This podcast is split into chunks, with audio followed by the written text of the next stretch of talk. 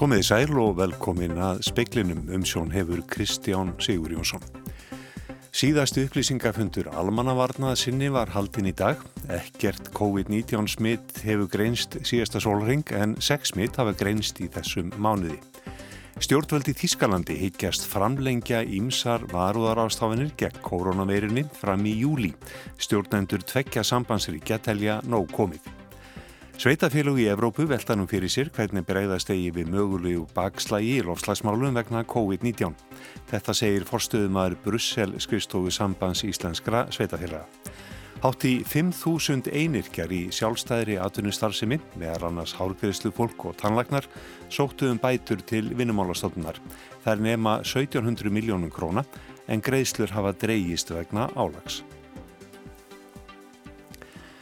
Ekkert COVID-19 smitt hefur greinst síðasta sólaring en 6 smitt hafa greinst í þessu mánuði. Síðastu upplýsingafundur almannavarnaða sinni var haldinn í dag. Ríkislauruglustjóri ákvaði í dag að lækka almannavartastig frá neyðarstígi nýður á hættustig en neyðarstígi var lísti yfir 7. mars þegar fyrsta smitið var staðfest hér á landi. Frá því að neyðarstíði var líst yfir hafa tíu manns látist, 1804 smitt hafa verið staðfest, yfir 20.000 hafa farið í sóttkví og tekin hafa verið um 59.000 síni. Tveir ráðherrar voru gestir fundarins, Áslögu Arna Sigurbjörnsdóttir Dómsmálaráðherra og Svandi Svavastóttir Hilbyrðisráðherra. Svandi sagði að í dag væri henni efst í huga þakklæti og lotning í garð þeirra þryggja sem segja má að hafi leitt þjóðina í gegnum Olgusjó farsótarinnar, Þórólf Guðnason, Ölmu Möller og Víðis Reynissonar. Á þessum degi vil ég afendi ykkur dálítinn þakklætisvott fyrir ykkar einstakka framlag á sannarlega fordæmalösum tímum, fyrir að menta okkur upplýsa okkur og þykja vænt um samfélagið. Takk fyrir ykkur. Ég held að við verðum að klappa fyrir þetta.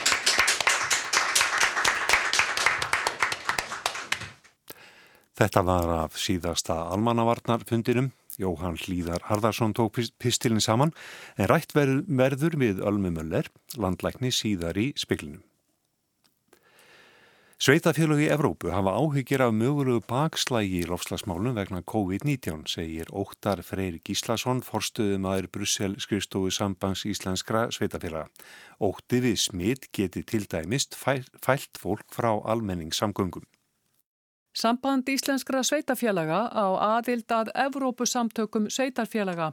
Evrópusamtökin hafa hist á fjarfundum meðal annars til að fara yfir möguleg áhrif pestarinnar á aðgerðir og markmið Evrópusambandsins í lofslagsmálum. Það var einmitt verið að velta svona hlutum upp sko bakslæði sem geta átt sér stað. Ríkistjórnir haldi núna að sér höndum vegna fjármögnun hérna lofslagsaðgerða af því að það þarf að veita peningum eðli, eðlilega líka alveg í aðra hluti og, og, og hérna venda hinn á þessa grunnþjónustu. Annað dæmi sé tvekja metra reglan sem getur fælt fólk frá almenningssamgöngum og upp í engabílinn. Tróðið sé í neðanjarða lestarnar á há annatímum til dæmis í Brussel og engar líkur á að hægt sé að halda tvekja metra fjarlægð. Evrósku sveitarfélögin hafa líka rætt að mögulega sé núna tími til breytinga. Við bröð faraldrinum hafi sínt hvað hægt sé að gera þegar að viljin er fyrir hendi. Þannig að líka er ákveð tækifæri núna því að eins og ef tökum lofslagsmálinn sem dæmi þetta er, við erum vel sammála um það, það þarf að gera eitthvað. Það er svolítið svona skort kannski á svona viljan og, og, og, og svona setja mikinn trökk í, í þetta en, en það sýnir sig að ef að viljin er fyrir hendi þá er þetta að gera útrúlega hluti. Þetta var óttar Freyr Gíslason, Bergljóð Baldurstóttir talaði við hann. Um klukkan hálf sex hafðu 130 kosið utan kjörfundar vegna komandi fórsetakostningar. Opnað var fyrir atkæðagreyslu hjá síslumönnum í morgun en kostningarnar fara fram 28. júni. Tveir eru í frambóði, Guðni T.H. Jóhannesson fórsiti og Guðmundur Franklin Jónsson. Stöðningur við ríkistjórnina mælist 47,5% í nýri könnun MMR og hefur minkað um 7% stíg frá síðustu könnun þegar hann var rúmlega 54%. Sjálfstæðisflokkurinn mælist stærstur flokka með 23,5% og hefur bætt við sig 1% stígi frá því april. Næst koma píratar með 14,6% fylgi og er það 3% stigum meira enn í síðustu mælingu MMR. Samfylkingin sækir, sækir líka heldur í sig veðrið og nýtur stuðnins 13,3% en var 1% stigi minna í síðustu konun. Fylgi viðreysnar er 11,3%, 1% stígi minna en það var í april. Miðflokkurinn nýtur hilli 10,8%, rúmu prosentu stígi meira enn í síðasta mánuði. Vinstri græn eru með 10,6% fylgi, 1% stígi minna enn í april. Fylgi framsóknarflokksins mælist nú 6,4%, 3% stígum minna enn síðast og hefur ekki mælt svo lítið frá kostningum að þér segir í tilkynningu MMR. Sósialistaflokkur Íslands fær stuðning 4,1% í kannunni, svipað og í fyrir mánuði og fylgi flokks fólksins mælist 3,6%. Kannunin var gerð 19. til 25. mæ, 944 úr hópi álitskjafa MMR svöruðu. Ágreiningur er komin upp meðal stjórnvalda í Þískalandi um hvort ástæða sé til að framlengja ímsar varðarástafinir gegn koronaveirinni fram í júli. Stjórnendur tveggja sambandsríkja í austurhlutalansins vilja aflétta takmarkunum að mestu. Samkvæmt draugum sem ríkistjórn Angelu Merkel hefur samið er áformað að framlengja ýmsar ráðstafanir til 5. júli til að takmarka útbreyðslu veirunar. Þar á meðal að fólk skulu ekki koma nær hvert öðru en 1,5 metra. Jáframt stendur til að skikka fólk til að vera með andlitsgrímur og opimberum stöðum, svo sem í matfuruverslunum og almenningsfartækjum. Einnig verið tíu manns úr tveimur fjölskyldum leift að hittast innan hús frá 7. júni. Þessi draug verða lögð fyrir stjórnvöld í Þísku sambandsríkjónum. Óvist er að samstaða náist um þau, þar sem í tveimur ríkjum er áformað að afnema ráðstafanir að mestu 7. júni. Þetta eru ríkin Turingen og Saxland í austur hluta Þískalands. Þar hefur tiltölulega lítið verið um veirusmitt. Stjórnveld þar hafa líst fyrir yfir að þau vilji opna allt með fáinum undantekningum en auðvitað verði haldið áfram að fylgjast með útbreðslu veirunar. Talsmaður Angelu Merkel sagði í dag að allar ákvarðanir sambandsstjórnarinnar væru bindandi. Kanslarin hafi til þessa reynd að fara bíl begja og það hefði skilað góðum árangri í baróttu við veiruna. Ásker Tómasson sagði frá. Bætur til einirkjá og fólks í sjálfstæðri atvinnustarfsemi sem þurfti að leggja niður störvegna COVID-19 nema 1,7 miljardi króna. Þetta segir forstjóri vinnumálastofnunar. Vegna mikils álags hafa greiðslur til fólks dreyist.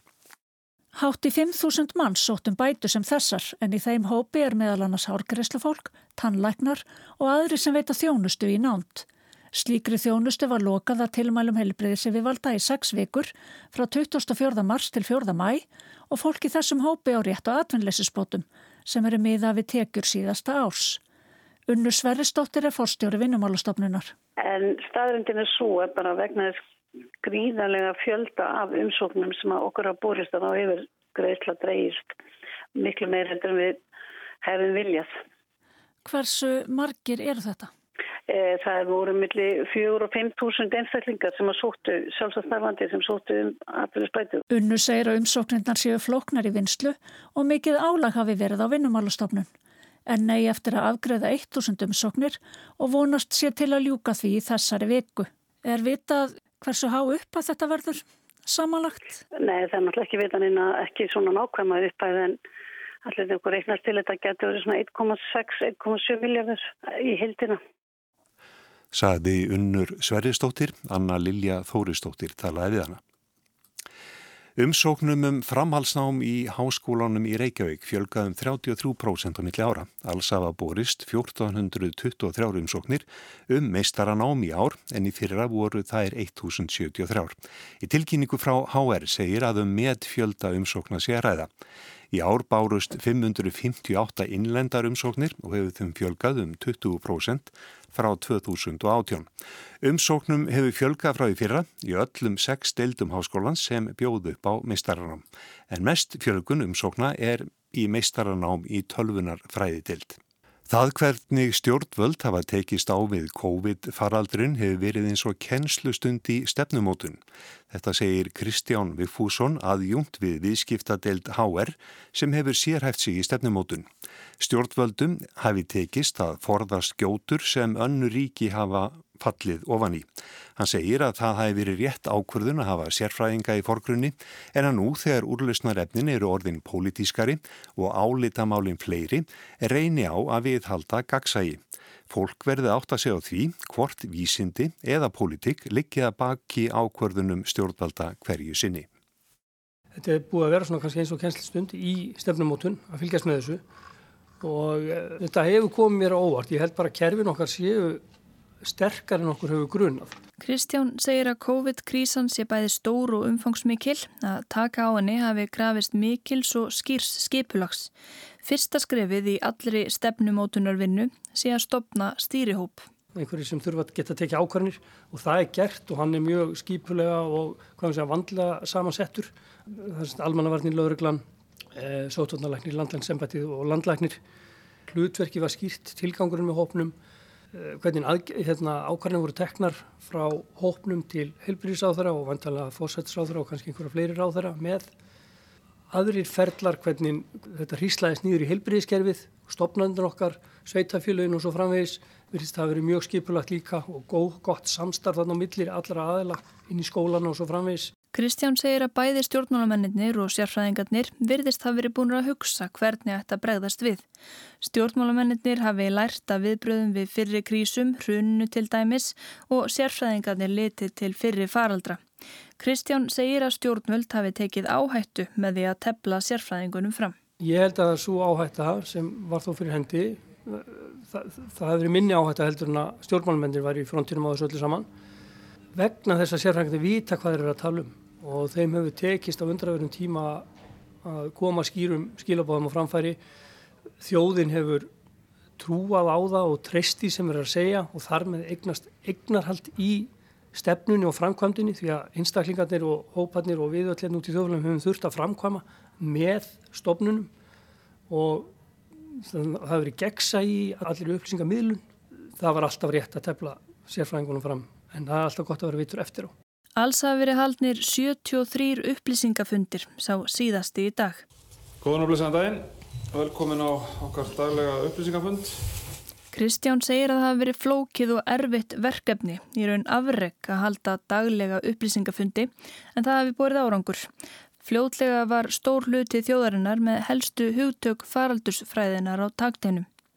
Það kom fyrir að eitthvað skólaðist til Sumir heldu um tíma að það væri markmið stjórnvalda að mynda hér hérðónami en þetta var leiðrétt. Kristján segir að stjórnvöld hefðu vel geta klúrað þessu með því að taka faraldurinn ekki alvarlega. Eh, við sjáum lönd eins og Rúsland, við sjáum Brasilíu núna, við sjáum Bandaríkinu og Breitland sem uh, tókuðu þetta ekki alvarlega og voru sein til verka ef svo má segja. Í þessum löndum hafa stjórnmálamenni verið að koma fram meir og minna og tala um hlutina, tilkynna hlutina sem að er ofta ekki skýrt hvað á að gera, hvernig á að gera hvað, hvernig á að gera hlutina. Þannig að það hefur valdið miklu vandraðum auk þess sem að, að stjórnmálunum hætti til að loða upp í ermin á sér, segja einhverja vittleysu vegna þess að þeir eru ekki sérfræðingar í þessum málaflokkum. Víða hefur ríkt ákveðin upplýsinga óreiða. Í bandaríkunum hefur Donald Trump stundum telt fram vísindamönnum og stundum ekki og svo þrýst á þá í betni útsendingu. Kristján telur að hann hafi í raun séð upplýsingafundina um kórnveruna sem vettvang fyrir kostningabaráttu. Trump hefur í aða því að það gæti verið heppilegt að taka einn spritt já og tekur malarjulif sem alþjóða heilbreyðismálastofnin varar við. Og við sjáum í svona stórum áföllum eins og, eins og þessu sem við erum að gangi í gegnum núna að ef að kerfin okkar er ekki að virka þá sér í výrana, þá sjáum við sko beint inn í þau og í gegnum þau hvort, hvort þau eru að virka fyrir almenning og svo framvegs. Við höfum til dæmis séð þetta í bandaríkjónu núna. Þar sé ekki dýrasta helbriðskerfi í heimi en það hafi ekki þjónað öllum almenningi. Þrátturir þetta hefur víða verið farsælt að hafa pólitikusun í forgrunni, þá til dæmis við í Noregi. Sjálf hefur Erna Solberg fórsættisraðara sagt að stjórnvöld myndu aldrei leifa sóttvarnalækni að stjórna aðgerðum þar, líkt og gert var í Svíþjóð. Í Svíþjóð er einmitt farða kvarnastur trausti almennings til sóttvarnalæknis en það hefur sænska leiðin leitt til markfalt fleiri döðsfalla en annar staðar á Norrlöndunum. Hinga til hefur myndin verið frekar einföld að okkur stæðjar mikil ógn sem sérfræðingarnir þekkja betur en stjórnmálamennir. Sérfræðingarnir hafa hér leitt okkur í gegnum þetta og útskýrt fyrir okkur. Skila tillögum sem stjórnmálamennir virðast hafa farið eftir í einu öllu. Það hefur verið nokkuð skýrt hvenar ákvarðanir má reykja til áleits sérfræðinga og hvenar stjórnvöld eru við stýrið. Nú þegar faraldurinn er í rénun er erfiðar að greina á milliðas hvort aðgerðir sem ráðist er í eru sótvarna aðgerðir eða efnagaslegar aðgerðir. Það hvernig landið verður opnað er þannig ekki bara sótvarnamál, heldur líka mjög stort efnagasmál og læknar er ekki á einu máli um hvort rétt sé að opna þann 15. júni. Kristján segir að atvinnulífið vilji kannski meiri aðkomu að ákvarðanutökunni hér eftir. Kannski séu átök á bakvið tjöldin. Það hefur verið gegsa í hvernig ákvarðanir teknar og gegnsægi í öllu utanumhaldi. Nú er kannski ákveðin hægt á því að, að núna þegar við förum að opna að, að það, það sé, verði ekki eins mikið gegnsægi í því hvernig það er gert og hvernig það er ákveðið. Núna þurfa stjórnmálinn kannski og þessi aðgerðarhópur, þessi stóri stefnumótunarhópur að kannski að upplýsa okkur um það hvernig ákvarðinu verða tekna núna í framhaldinu. Þannig að það sé þá líka ljóst hver ber ábyrð á þeim. Þannig að við vitum bara hvernig uh, við eigum að halda áfram. Því að hópurinn hefur einmitt verið svo góður í því að leiða okkur áfram. Gefa í skín kannski í lok funda síðan eru við farin að hugsa þess og þessu annars að það hefur kannski alveg verið fullkomlega útvart þannig að stundum er það ekki að því að óvissan er svo mikil með framtíðina en það hefur alltaf verið gefið í skín hvert við verum að fara næst. Því að ef að við fáum ekki að vita hvert við verum að fara næst þá verða til sögur, þá verður til óryggi þegar fólk er í upplýsingamirkri og það er, getur verið hættulegt. Þannig að kannski núna inn í framtíðinu þá þarf, þurfa skilin kannski ef að nálgunin áfram að virka að vera skýr og þá að leggja algjörlega fyrir hvaðan hver ákvörðum kemur, hvort að það sé mat sóttátanlegt eða landlæknis að hafa þetta svona eða hvort það sé viljið stjórnvölda. Ég held að það sé best fyrir alla. Ég held að það sé best fyrir þríekið, ég held að það sé best fyrir stjórnvöld og fyrir almenning. Hefur það fyrst þér gengið vel núna allar síðustu viku? Það er svona aðeins farið að bera á þessu að sitt sínist hverjum og, og, og kannski ekki alveg ljóst hvaða breytingar eru gerðar af ráþeira eða inn í ráðunitónum eða af pólitísku hlýðinni þegar tillögurna fara frá þríekinu. Þetta var Kristján Mikfússon sem er aðjúnt við viðskiptadeild HR. Það var Arnhildur Haldanádóttir sem að rætti við hann.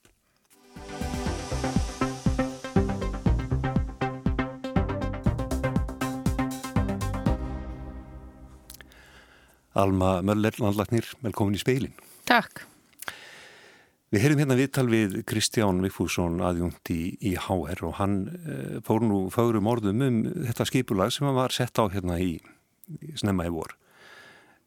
En hann spurði, hvernig verður nú framhaldið á upplýsingagjöf? Hvernig verður það? Já, þetta var mjög ánægileg umsögn hjá hannum og, og alveg rétt hjá hannum að Við vorum með góð kerfi í lögum um almannavarnir og, og lögum um sótvarnalækni og við vorum með viðbrasáallanir þannig að á, á þessu byggðist það. Nú við auðvitað ákváðum snemma upplýsingagjöf væri afar mikilvægur þáttur í baráttunni við e, þennan faraldur og það áttu auðvitað alltaf verið upp á borðum og hefur verið það og nú lög þessum upplýsingafundum í dag en við auðvitað miðlum á, áfram upplýsingum eh, til almennings og þær eru byrtar á covid.is og landlækni.is og síðan eru auðvitað líka mikilvægt að miðla upplýsingum til fjölmiðla og þannig að þeir geti eh, sínt sitt aðhald. Og það eru þetta sömulegis á þessari síðu, þar verða til dæmis alla tölulegar upplýsingar áfram. Síðan verða þá byrtar fréttatilkynningar eftir því sem þarf og það eru auðvitað senda fjálmilum og líka byrtar á COVID og við verðum auðvitað öll til svars áfram þannig að ætlunin er auðvitað að halda áfram að miðla upplýsingum eins og þarf. Mm. og síðan auðvitað ef hlutir myndur breytast mikið þá að sjálfsögðu sláum við í upplýsingafundi mm.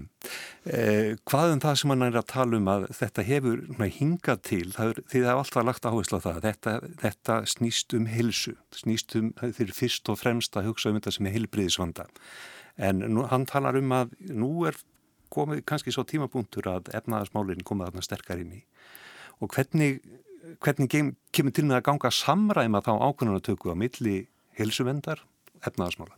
Já, það eru auðvitað ljósta efnahagsmál eru líka heilbriðismál. Bæði hefur eh, slæmur efnahagur eh, mikil áhrif á líðhælsu og einst þurfum við sterkan efnahag til að geta staðið undir þeirri heilbriðistjónustu sem við viljum veita. Þannig að þetta eru auðvitað einstíði sem þarf að læra að feta og ég held að við verðum að prófa okkur áfram með það. Það veit engin nákvæmlega hvernig ná að gera hlutina en ég held við verðum að hafa kjark til að fara á stað því að leta þessum takmörkunum og jáfnframt að gæta ítrustu varuðar gegn smittum. En það sem er auðvitað gott núna er að við höfum dýrmæta reynslu og þekkingu og viðbúna til að takast á við smitt ef að uppkoma. Þannig að þetta er auðvitað það sem að stjórnmálinn gera betur heldur en sérfræðingar. Þeir þurfa að vega þetta hverju tveggja. Ef við snúum okkur að, að heilbriðiskerfinu sjálfu, stóðst það prófið?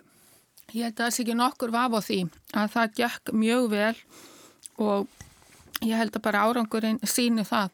Og það er eiginlega sama hvert litið er, allt frá helsugjastlu yfir á gjörgjastlu þannig að það stóðst þetta álagspróf mjög vel.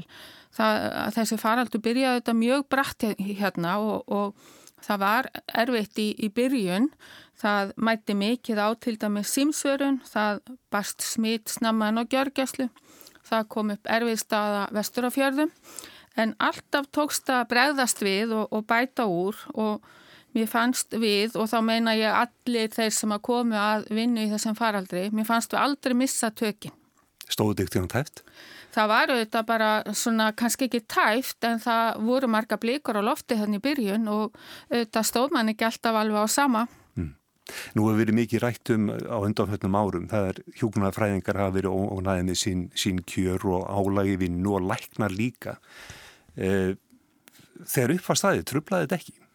Ég held ekki. Það tókst ótrúlega vel að spila úr mönnun miða við þann skort sem hefur verið og við vorum auðvitað fljótt til að stopna þessa bakverðarsveit og ég held að það hefur verið mjög mikilvægt. Við vorum líka snammi því að tala til dæmis við gjörgjastluleikna sem vinna utan ofinbæra kervisins og þeir komu inn til, til aðstofar og vissulega hafði maður áhyggjur af því að það var ósamið við stjættirnar en þetta eru fámenn og ég held að, að fólk hafi bara borið gæfu til þess að skilja á milli fámennsku og þessa sinna skjólstæðingunum og kjarabartu þannig að þetta þetta trublaði ekki eins mikið og ég ótaðist um tíma. Mm.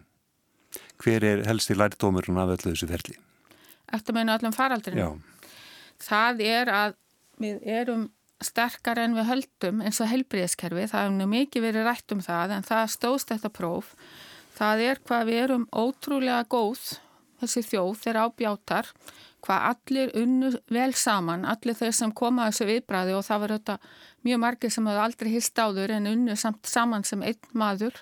Það var samstaða þjóðarinnar og auðvitað var margt sem er margt sem vinnur með okkur. Ég held að skipti máli að við erum nægilega fámenn þjóð til að boðleginar eru stuttar og það er hægt að bregðast við af snerpu. Það er líka hægt að hafa yfirsín og halda stjórn og það er mikilvægt varandi tímasetningu aðgerða en á móti eru við nógu stór til að geta veitt þessa góðu heilbyrðistjónustu og svo held ég að vinni líka með okkur að, að við erum seg, við búum við þessa óblíðu náttúru, náttúru og við erum ekkit óvönd því að takast á við áföll. Er eitthvað sem að mátti betur fara, eitthvað sem að svona, í baksinu speilin, ah, þetta hefur náttúrulega að gera betur?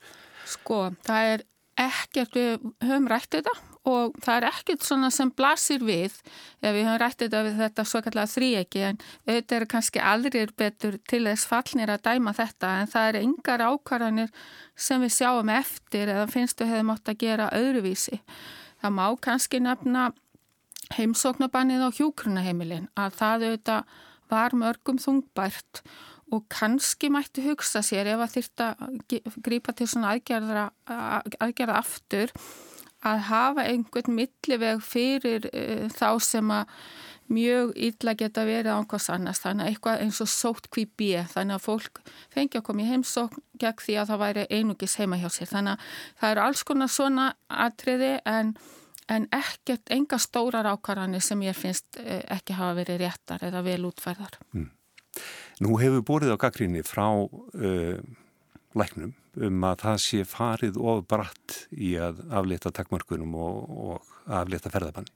Hvað segir við því? Jú, ég hef heyrt einstakar rættir og, og heyrist það kannski líka snúast um að menn hefðu viljað við hafa meiri samráð áður en þetta var uh, ákveðið en ég held að það skilja allir mikilvægi þess að koma efnaðslífinu á réttan kjöl og eins og ég segi það er auðvitað líðhelsu mál.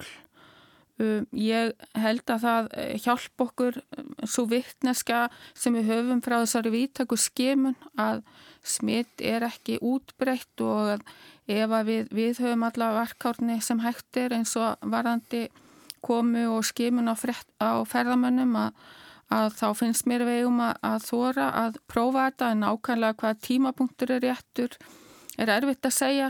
Ég skila þetta uh, rættir innan úr heilbyrðiskerfunum að fólk auðvitað þarf að fá sín sumarleifi og annað en hérna við, uh, ég bara býð eins og aðri spennt eftir að sjá tilögur þessa hóp sem er að skila af sér í dag. En hvernig sér þú næstu vikur fyrir þér? Og þú erum við um dálítið talað um eins og þetta sé bara búið. Já, það er það ekki. Þetta er áfangið sem við vorum að fagna í dag. Það er að þessi kúfur er að baki. Nú er verkefnið að sopna ekki á verðinum og við verðum öll að halda árverkni gagvart COVID-19 og, og líka auðvitað viðhalda viðbræði til að ef eitthvað kemur upp. Um, við vitum auðvitað ekki hvort að verða svona einhver mallandi smitt, hvort að koma upp kannski staðbundnar hópsíkingar eða hvernig þetta verður. Mér finnst ólíklegt að koma einhver stór bylgja því að hérna við bara vitum svo miklu meira núna en þetta er bara eins og Þóróli myndi þetta er ómögulegt að segja, mm. myndi hann segja. Eh, hann talaði í dag um það að svo virði sem að veiran væri veikari heldur hún var í upphæfi. Já, það hafa eh, sumir talað um það og, og það gerist oft svona á þessum ástíma en þetta er samt og snemt að segja og það er eh, ekki eðli koronaveira eins og, eins og influensaveira að vera svona ástíðabundin þannig að við verðum bara að, að sjá og óvissan eru þetta ennþá mikil. Alma Möller, landlagnir, takk fyrir komuna í speilin Takk. Og þá hugum við að því sem var helst í speiklinum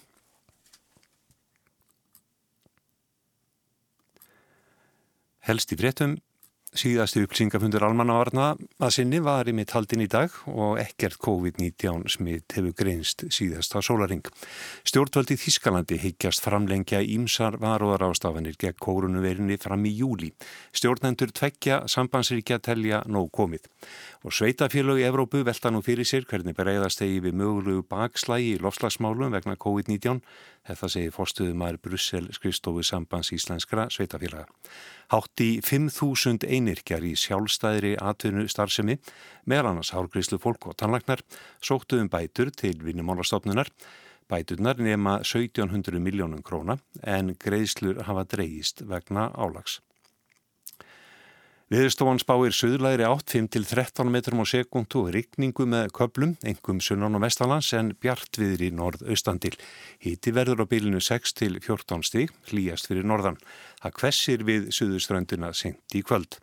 Vestan 8-15 á morgun en alltaf átján söðaustan til fram að hádegi. Skúrir verðum alland en dregur úr úrkomu undir kvöld. Híti á morgun verður á bylinu 4-12 stík, hlýjast söðaustanlands. Það er ekki fleira í spekli kvöldsins, tæknimaður í útsendingu var Magnús Þorstedt Magnússon, verið sæl.